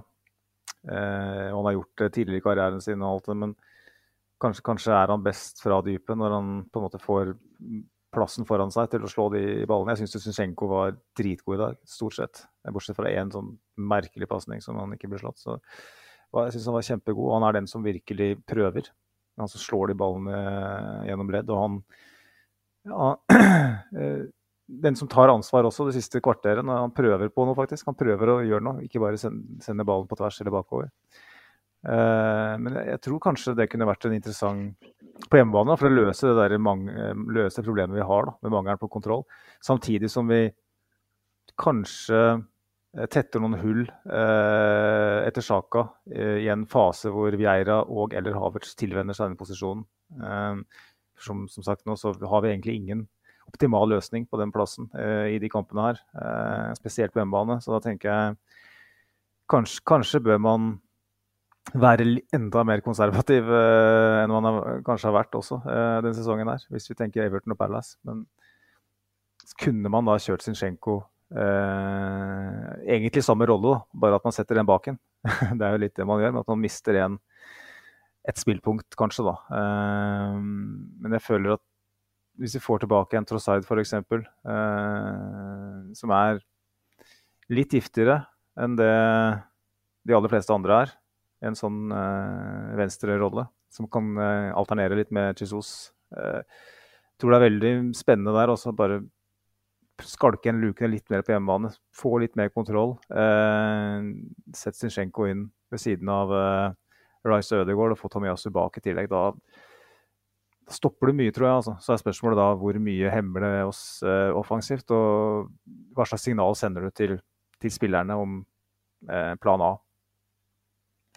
Ja, det er jo nettopp det, da. Eh, det er jo garantert mange som Og, og ordet 'faked' blir jo brukt eh, relativt eh, hyppig i, i, statusen, eller under, under, statusen vår, får vi si, eh, på, på, Twitter. Der det er mange som mener at vi, vi går ut litt faked i dag. Um, men og det, det, er kanskje det som gjør at vi har såpass uh, dårlig record med mål imot på hjemmebane. Det er at vi så absolutt skal på en måte gjøre alt offensivt.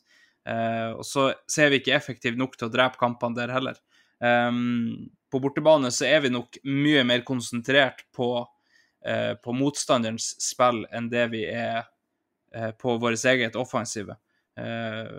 Vi, vi, ser jo når, når, United kommer på besøk, så, så, er det, så, så, er det mye mer fritt fram kontra når vi slo dem på, på Old Trafford, ikke i fjorårssesongen, men året før. Og vi har sett det i flere bortekamper at, at det er det mye mer på en måte countermeasures eh, på, på deres spill. Uh, F.eks. når vi møter Liverpool, at vi setter opp Tomiyasu. Det var vel kanskje på, høyre, på hjemmebane, men, men altså, å, å, fokusere litt mer på å ha kontrollen i kampen på hjemmebane er nok ikke dumt. Uh, kontra det der at vi skal stå høyt, vi skal vinne ballen og vi skal spille våre spill uansett fakeren. For hvis Tottenham er såpass gode som de er i dag, i andre omgang spesielt, um, så er det faktisk kanskje sånn at vi burde trekke oss bak et par hakk. Um, Magnus, du har mening om det her? Ja, for jeg tenker jo det aspektet med, med Champions League i midtuken nå. Jeg syns jo kanskje vi kan lansere teorien om at vi ble litt slitne i første omgang. Uh, vi sto uh, høyt, vi vant ball og kvelte Tottenham. og syns jo til og med Martin Ødegaard, som er evighetsmaskin, virka å være nesten utkjørt de siste fem-seks minutta der. Um, dette er jo nytt territorium for uh, Arteta og for, uh, for, Arsenal på mange måter. Og det er jo såpass lenge siden vi var i Champions League at vi ikke helt kanskje har treninga. Vi har jo sett andre klubber uh, på forskjellige nivåer i, i engelsk fotball har kommet til Europa og fått en kjempeknekk i ligaen. både på Champions League og, og Europa League det å sjonglere de tingene, det var jo noe Wenger eh, mestra veldig godt. Uh, du kan snakke i 14 podkaster om årsakene til at ting gikk som det gikk med han. Men akkurat det med å, ha, å klare overskuddet i ligakampene på hjemme og mot hvem som helst eh, etter en midtukekamp, det, det takla Arsenal jævlig godt. Og det brukte vi lang tid under Wenger på å bygge opp, faktisk. Vi var jo ganske dårlige i Europa eh, eh under Wenger de første fem-seks årene, før vi liksom begynte å komme langt. Eh, og det var jo den derre Det er en ting som man må trene litt på, da. Det å, å ha så fokus på midtukekampen i tillegg, og så komme inn med overskudd da i en viktig Premier League-kamp. Og syns kan, Kanskje bomma vi litt den, eh, den gangen her. Eh, kanskje burde vi ha eh, vært litt altså det, det, er lett for meg å sitte og si, men liksom nå, nå, sitter vi her med, med etterpåklokskapens privilegiumer og sier at vi ble slitne. Eh, og vi fikk skader på et par veldig viktige spillere. Eh, det her kosta den uka her, eh, PSV og Tottenham, kosta definitivt mer enn smakte. Ja, og, og, kanskje er det altså det, det, er jo garantert et element det der at det er første gangen på, på, så mange år at vi er tilbake i Champions League. Da skal vi ut og overbevise, vi skal ut og vise det beste. og og bla, bla, bla. Men det her er PSV, altså. Det er et lag vi, vi, vi, vi møtte i fjor i Europa League. Det er ikke eh, et av de store. Det er ikke Bayern München, det er ikke Real Madrid, det er ikke eh, Barcelona, det, er ikke PSG. Det er liksom Det her er et lag som, som holder Europa League-nivå, egentlig.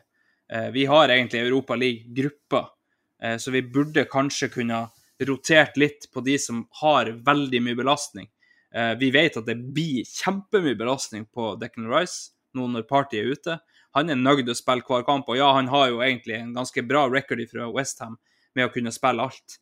Men samtidig Jorginho kunne ha spilt den kampen der mot PSV istedenfor Declan Rice.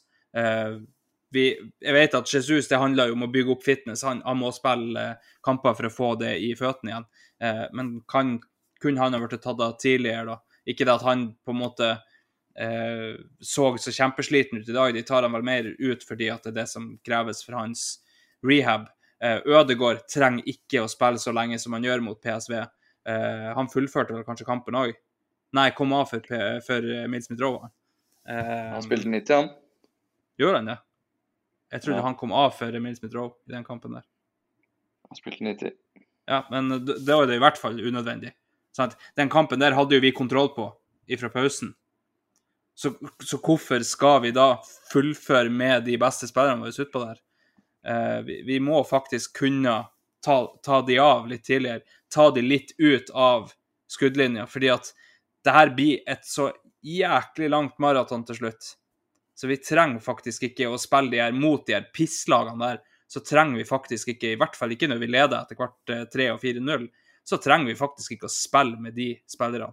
Um, Trossar, vårt desidert beste alternativ på venstrevingen nå når Martinelli er ute, han får en muskelkjenning i løpet av uka. Er det fordi at han måtte fullføre nesten en hel kamp mot PSV? Det vet vi ikke. Men Det er jo ikke det. Mannen har jo ikke spilt hele sesongen. Men det vet vi. Vi vet jo ikke egentlig hva som Vi vet jo ikke hva som er galt, egentlig. Så, så, Nei, vi vet jo faktisk altså, ikke hva som setter off.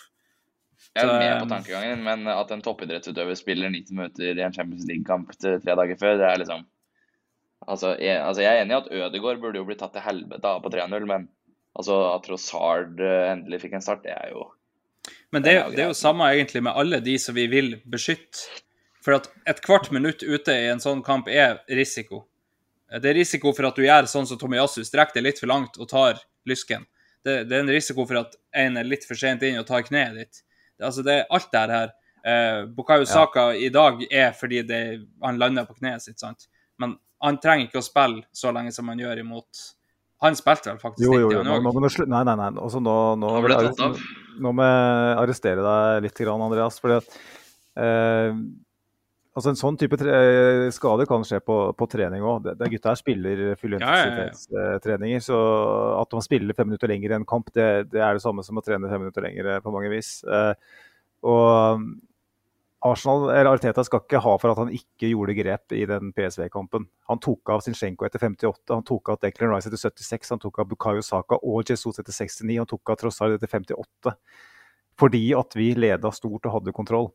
Så han gjorde det helt, helt riktig. Vi satt og snakka om det eh, på Twitter etter matchen, at det her er en helt optimal eh, oppladning til Nordland Derby. Fordi at vi tar av de spillerne som er i faresonen for og litt sånn historisk sett for å pådra seg muskelkjenninger. Eh, og spillere som kanskje ikke har spilt så mye så langt i sesongen, som trenger å, å, å matches inn. Så jeg syns ikke på noen måte at det skal ta Ariteta Arsenal for måten man løste den kampen på. Det jeg tenkte på, mitt poeng, var at kunne man ha hatt en annen tilnærming i dag? Kunne man ha konservert litt mer energi i første halvtimen i dag? Og, og latt Tottenham ha litt ball? Eh, ikke brenn kruttet i en sånn Ikke, ikke på en måte spill sånn høyoktan eh, rock'n'roll-fotball første halvtimen. Eh, OK, skårer du tre mål, da, som vi snakka om, så, så, så, kommer du unna med det. liksom. Så, så det, er, det, er, veldig mange, mange, veier til rom her. Men det, spørsmålet mitt er liksom Når man balanserer Champions League og Premier League på den måten, så vil det automatisk være sånn at du kommer inn i en Premier League-kamp med litt mindre eh, drivstoff på tanken. Må du da angripe kampene på en litt annen måte av og til? Eh, det er på en måte spørsmålet mitt. For jeg, synes at det er litt bekymringsverdig at vi ser ut til å ha problemer med å, fullføre første omgang. Ja, Sivert. du. altså, altså, altså, jeg er kjempeenig. Jeg begynner å gå møkk drittlei av at på en måte crescendo i kampene våre, uh, da vi ser best ut, er første 30 ofte. Uh, det blir altså At vi ikke, som sa lar motstander løpe litt uh, mellom altså Det mest slitsomme i fotball er å løpe etter ballen. Bare ta det ned litt. jeg er helt enig, altså det blir, Den andre omgangen i dag den sitter fortsatt i meg. Altså.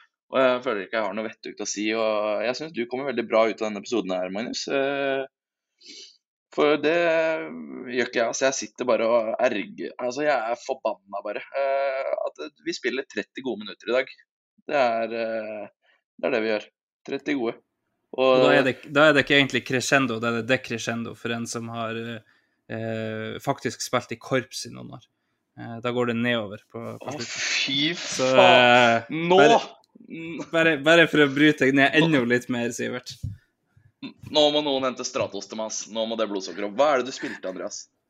Hvilken jeg spilte trommer, så jeg har egentlig ingenting med crescendo og decrescendo å gjøre. Men uh, jeg kan, kan begrepene allikevel. Men uh, akkur akkurat, det ikke, akkurat det er jo ikke så veldig nøye. Det som, det som hadde vært litt interessant i dag, var kanskje å å gå for mer kontroll i dag, da. Eh, kanskje gjøre som, som, Magnus sier, flytte Zinchenko opp, eller, eh, eller ta han av og sette på Tommy Assu f.eks. For, for å holde mer kontroll. Men samtidig så er det jo med det som Magnus er inne på når han nevner det, at åssen signal sender det da på, på et, et, et, et Nord-London Derby-scenario. Eh, det var kanskje kanskje litt kjipt at, eh, at, vi møter nettopp et sånt lag før vår eh, første outing i, i Europa, eh, med at, eh, at, vi da gjerne kan bli litt slitne etterpå og, og komme mot et lag som, som vi er så nøyd å slå, på en måte, som, som Tottenham. Eh, og så velger Teta å gå ut i 100.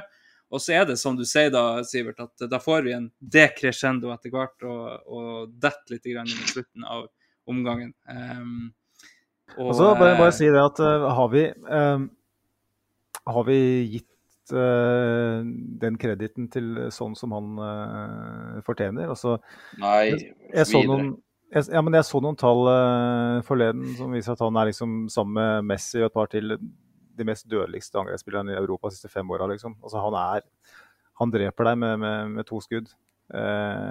to kuler i, i, magasinet, så er du død.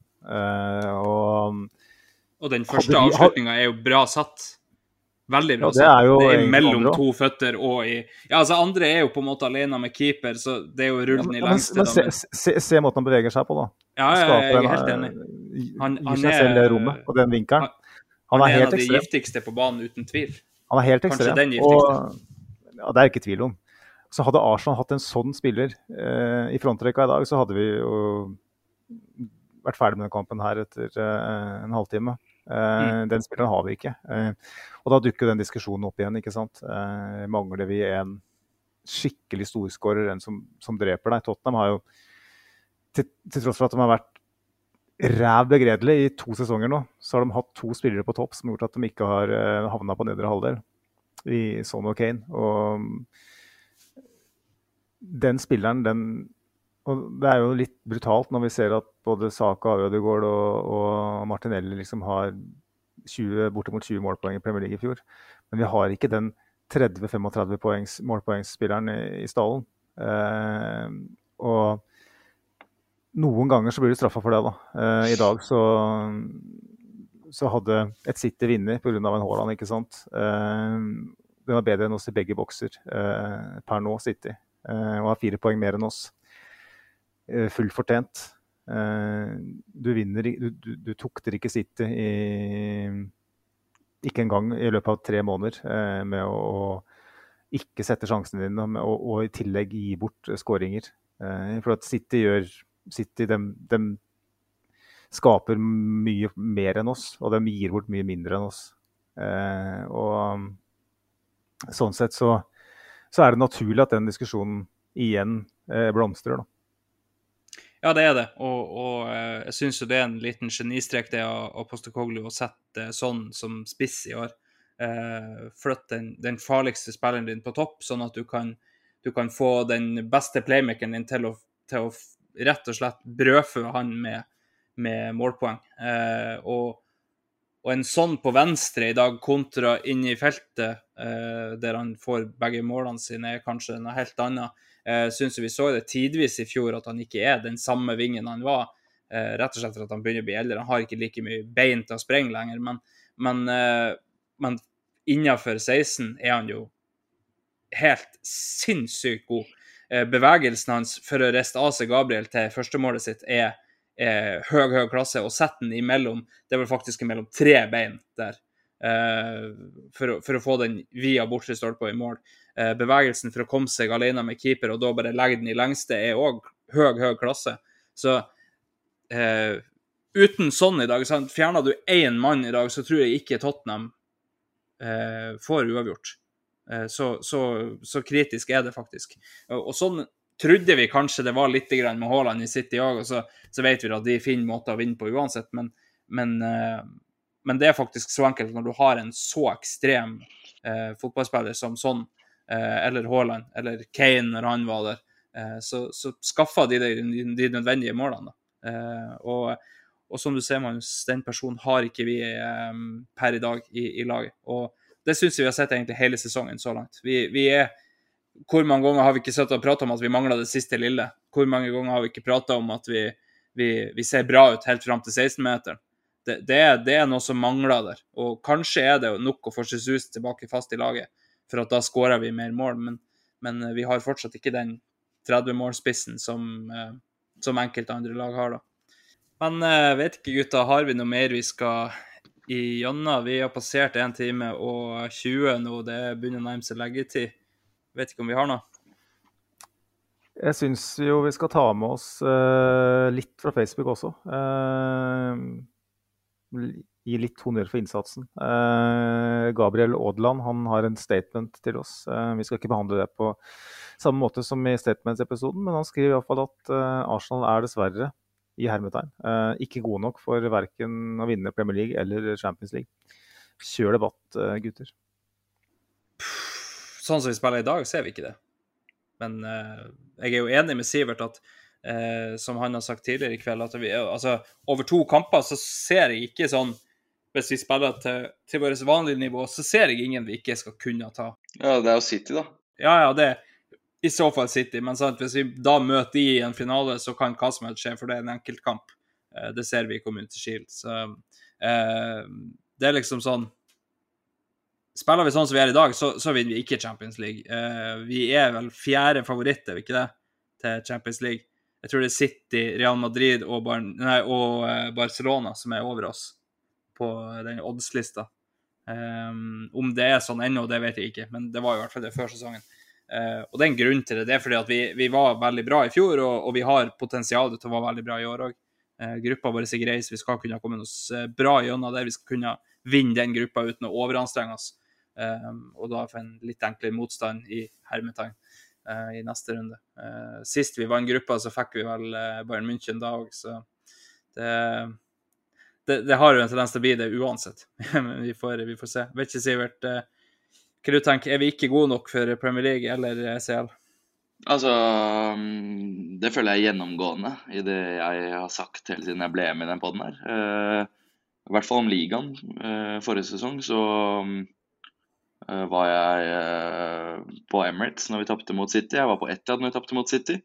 Og begge gangene så sa jeg at vi er langt, langt unna City. Vi er et fantastisk lag, men vi skal jo aldri vinne Premier League. Det er jo Da fikk jeg jo refs. Da fikk jeg så mye kjeft at eh, gudene vet hva.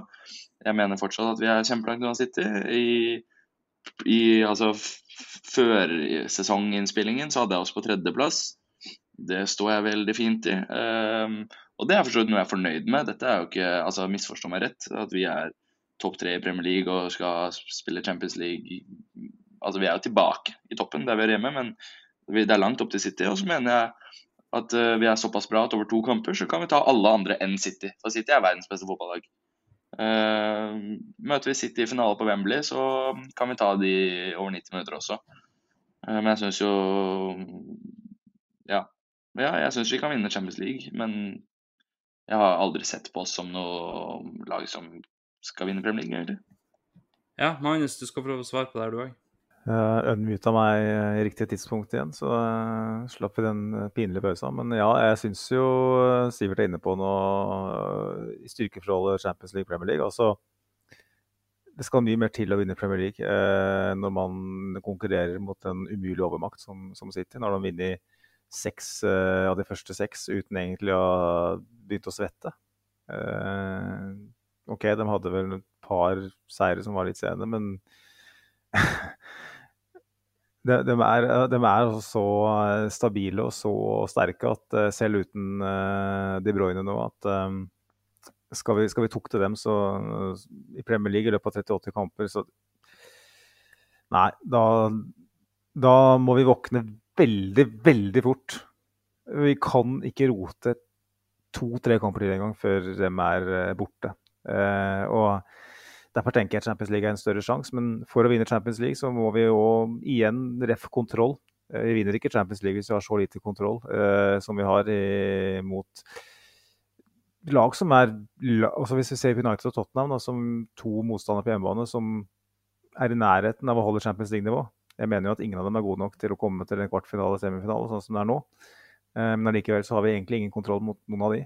Eh, Og da, tenker, da etterlyser jeg litt mer Pep-lærdom hos Arteta. Hva gjorde Pep i fjor, eh, når, eh, han var, når hans lag ikke hadde kontroll? Eh, jo, han eh, kjørte en mye mer defensiv tilnærming. Eh, han kjørte plutselig fire stoppertyper bak. Han, han gjorde det grepet som jeg etterlyser hos Ariteta. da, med Å kjøre en eh, Bytte ut en eh, Cancelo, som han gjorde, da, som han åpenbart ikke lenger så øye, til øye med. Eh, prøvde seg med Bernardo Silva. Jeg lyktes veldig dårlig med det. Prøvde seg med Rico Louis på høyresida. Lyktes tålelig greit med tanke på hvor ung og uerfaren han var, men endte opp med å kjøre fire stoppere nærmest i en eh, firer bak. Med en, da, en stopper som går høyere. Jeg tenker vi har en Saliba som lett kan potensielt gjøre en sånn jobb. Eh, og en Ben White ikke minst også, som kunne gjøre en sånn jobb da, hvis vi hadde hatt en høyreback. Eh, Tommy Yasu kunne, kunne vært det hvis vi hadde Timber på andre. Eh, så jeg tror vi jeg tror, jeg tror det er, på en måte er litt av eh, svaret på spørsmålet. For nå har vi snakka om at vi har så bredde i, i bekkerekka. Nå er Timber ute, dessverre, men allikevel kunne vi ha eh, tatt et sånt grep. da. Eh, låst igjen, rett og slett. Eh, slike typer grep. Kjappere fra Ariteta. Nå føler jeg at vi blør igjen, og blør over tid. Eh, og så kommer han på et eller annet tidspunkt til å finne ut av det. Eh, men så vil det igjen oppstå et øyeblikk og et tidspunkt hvor det ikke funker lenger. Så synes jeg Teta da, fordi at han ikke er Pep Guardiola, eh, og det er det bare Pep Guardiola som er, og det er litt av problemet, vi kjemper mot Pep Guardiola her, han løser de problemene her i løpet av håndvending. Mens Arteta er mer Han er en psycho, han òg, men allikevel eh, litt mer lik meg og deg, tror jeg. Eh, en normal person. Han bruker mer enn kvart sekund på å reagere. Ja, Sivert, eh, du eh, hadde handa oppe her. Du hadde noe du ville si? Nei, det var Altså Det er reft det vi snakka om lenge før, eh, Magnus begynte på rutsjebanen, så skulle jeg si at både Tottenham og Liverpool har jo slått ut City av Champions League over to kamper de siste årene. Så det er jo mulig. Det var det jeg skulle si. Uh, men jeg er helt enig i at uh, Jeg er helt enig i at ja, i alt som ble sagt, så jeg trenger ikke oppsummere det, egentlig. Så kan vi ta en siste ting før vi gir oss her, gutter. Vi vet jo da at vår en av våre eh, toppledelser skal, skal, gå av nå, så er det en, en, gammel kjenning nå som er fri for jobb, som kanskje, kanskje plutselig er aktuell igjen. Eh, en, en, som har eh, endt sitt samarbeid med, med sin eller daværende klubb da, i, for ca. 29 minutter siden, står det i hvert fall på, på Twitter. Magnus, hadde du åpna armene for Sven Mislin tatt tilbake igjen? Altså, jeg, jeg nå trodde jeg du snakka om eh, Vina, Even Kattersjøm og Arsen Wenger. Så uh, merker at nå vet jeg ikke At Mislintat var ferdig, det visste jeg ikke. I uh, Ajax, Nei, det kom ut for en halvtime siden, så det, det, så jeg nettopp. Han var i Ajax, nettopp, nettopp. men uh, ferdig i Ajax nå. For det, det gikk noen rykter for et par uker siden om at Gazidis skulle, skulle ta over etter Ben Kattersjøm, og det ble jo opprør på Twitter, selvfølgelig. Fordi at han er jo nesten selve symbolet på alt som ikke gikk så bra for noen år siden. Eh, men nei, altså Jeg har ikke så mye å si til det, egentlig. Eh, nei takk. Nei, Sivert. Jeg vet ikke åssen forhold du har til, til godeste Sven. Jeg er en uh, passion and desire fotballfan. Det er ikke så viktig for meg hvem som sitter i styrerommet, men uh, Altså, det er åpenbart at uh, han ikke klarte mer enn to måneder i Ajax. Jeg tror vi skal tror ikke jeg vil ta i han med ildtang og latekshansker engang. Ja, altså. Nei, det er egentlig veldig greit. Um, og så var det veldig koselig av meg å bare springe den der rett på dere, jeg som satt uh, med Twitter-oppdateringa for han. Um, hvis det da ikke er noe mer, gutter, skal vi da uh, kalle det en kveld? Ja, jeg har bedriftsøkonomi klokken åtte i morgen tidlig, så nå tenker jeg å få ned hjerterytmen og kose litt med Lucy. Sivert skal inn i styrerommet på Arsenal. Han er ferdig med bedriftsøkonomien. Eh, Magnus, har du noe mer på hjertet? Nei, det var hyggelig å høre at uh, kattepassingen holder frem. Uh, at det fremdeles uh, er katteluke hos Skarstein. Det, det syns jeg er kult å høre. Så um, gleder meg til flere historier egentlig de kommende episodene. når Vi har litt mindre å snakke om. I dag var det altfor mye å, å, snakke om. Vi, um, vi, har jo faktisk noe så sjelden som en 16-0-0-kamp på lørdag neste helg. Og det har jeg øremerka uh, såpass at uh, det kommer en gjeng med grevlinger hit i halv fire-tida som skal sitte her og banne og drikke og kose seg. så det, det, gleder jeg meg skikkelig til. Og så satser på at at ikke gamlefar blir så dårlig at han ikke kan stille på søndagskveld. Men jeg håper jo Bournemouth neste nå. Jeg, jeg, tenkte at den gjengen der, den med grevlinger det, Slippe inn en ny, nykjemma rødrev der, det vet ikke om det er så lurt. Da kan det fort bli trøbbel i hønsegården. så. Blir ofte det når når man slipper inn rødrev i hønse, hønsegården? jeg er jo rolig som kjører på tunet, jeg. Eh. Ja, men altså, for all del, hvis du har lyst til å komme, så er, er du veldig velkommen. Takk, gode venn. Eh, nei, det har seg sånn at jeg eh, Altså, jeg tenker at vi aldri spiller lørdag klokka fire lenger. Så jeg ble jo spurt om å jobbe på lørdag. Til bare Altså, polet stenger jo fire, da, så jeg jobber jo Jeg skal jo bare telle noe penger etter jobb, liksom. Så jeg, altså, jeg er jo ferdig kvart over fire. Og jeg jobber rett ved huset mitt, så jeg mister bare første kvarteret. Men jeg tror ikke jeg skal på en måte sette meg, sette meg på bussen til Løten kvart over fire. Altså. Da, da må jeg se kamp i opptak, sånn som du pleier å gjøre. Og det er liksom ikke min stil. Og Det kan jeg love deg at det ikke lønner seg hvis du kommer hit etter kampen er ferdig og skal se den i opptak. Da tror jeg til og med jeg, jeg kommer til å røpe meg. Så nei, da, da tar vi det ved neste korsvei. Det gjør vi, og så eh, får vi håpe at vi sitter her da tre poeng rikere eh, neste helg. Uh, ja, jeg skal legge meg til å sove igjen. Uh, jeg husker ikke om jeg sa det off-air eller på air, men uh, jeg la meg jo et par timer etter kampen, og så nå tenker jeg å sove i åtte timer til. Så ser vi om jeg klarer å smile i morgen tidlig, da. mandag morgen etter å ha spilt et ræva Nord-London-derby. Det er liksom Det oser ikke han som sitter forrest i forelesning og rekker opp handa. Det gjør det ikke. Så har du ikke den der funksjonen heller, sikkert, eh, digitalt, sånn som vi har nå. Eh, så da må du faktisk løf, løf, løfte armen. Og det Altså, jeg, jeg, slet både med å smile og løfte armen etter kampen i dag, så det fikk jo noen alarmklokker til å gå. Ja, Sjekka du deg for slag, eller var det bare det gode vanlige? Nei, En ting som jeg faktisk huska på før, uh, før, jeg la meg etter kampen, det var jo at uh, jeg fant ut at uh, jeg hadde et sånn arbeidskrav, altså en sånn prøve, obligatorisk prøve, nærmest, som jeg måtte gjøre da i dag. Det var ganske enkle greier. da, Det var åtte spørsmål, og så måtte jeg få fem riktig. men når jeg kom hjem og skulle svare på de åtte spørsmålene, da, så hadde jeg drukket seks Guinness på Hybrid og var forbanna. så jeg, men jeg klarte akkurat limiten. da. Eh, så jeg ikke la meg. Men bare tips til alle som hører på. Kos med katta, stryk hun med hårene, og så gjør du leksene dine edru. Hørtes ut som gode, gode livsråd, det. Um, da er det ikke så veldig mye mer å si enn uh, takk for at du hører på. Fortsett å følge oss på sosiale medier både her og der, og kom med dine spørsmål og innspill. det var mange vi ikke fikk tatt med i, i, dag, og det er for så vidt bare bra, for det betyr at dere er aktive, og det setter vi veldig stor pris på. Um, da er det ikke så altfor mye mer. Men uh, ifra meg så skal vi som alltid ha et Vi hørs. Og Magnus, du skal ha et Ha det, ha det. Hei.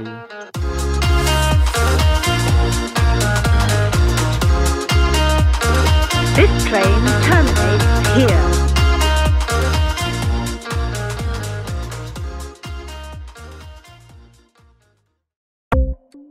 Ukens annonsør er HelloFresh.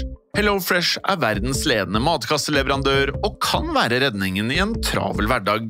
Mange av oss har nok vandret i butikken både sultne og uten en plan for middagen, som ender med at vi går for de samme kjedelige rettene gang på gang. Middag burde være dagens høydepunkt. Som HelloFresh kan du nå velge mellom 25 ulike retter hver eneste uke, eller få HelloFresh til å sette sammen menyen for deg. Dette gir deg muligheten til å prøve nye og spennende retter alene eller sammen med familien. Du velger antall porsjoner og får alt levert på døren på et tidspunkt som passer for deg. Oppskriftene er enkle, og maten er lett å lage både for store og for små. Ved å få alt levert hjem får du også mer tid til å dele matgleden med familie og venner. Kanskje det frister med asiatiske tacos eller greskinspirert kylling? Da kan jeg anbefale deg om å gå inn på hellofresh.no. Her kan du bruke koden FOTBALL og få opptil 1779 kroner i rabatt på de første fem matkastene hvis du ikke har prøvd Hello Fresh tidligere. Du kan også bruke rabatten hvis du har vært kunde og stoppet abonnementet ditt for tolv måneder siden eller lengre. Gå inn på hellofresh.no og bruk koden FOTBALL. Har du et enkeltpersonforetak eller en liten bedrift? Da er du sikkert lei av å høre meg snakke om hvor enkelt det er med kvitteringer og bilag i fiken, så vi eh, gir oss her, vi. Fordi vi liker enkelt. Fiken superenkelt regnskap.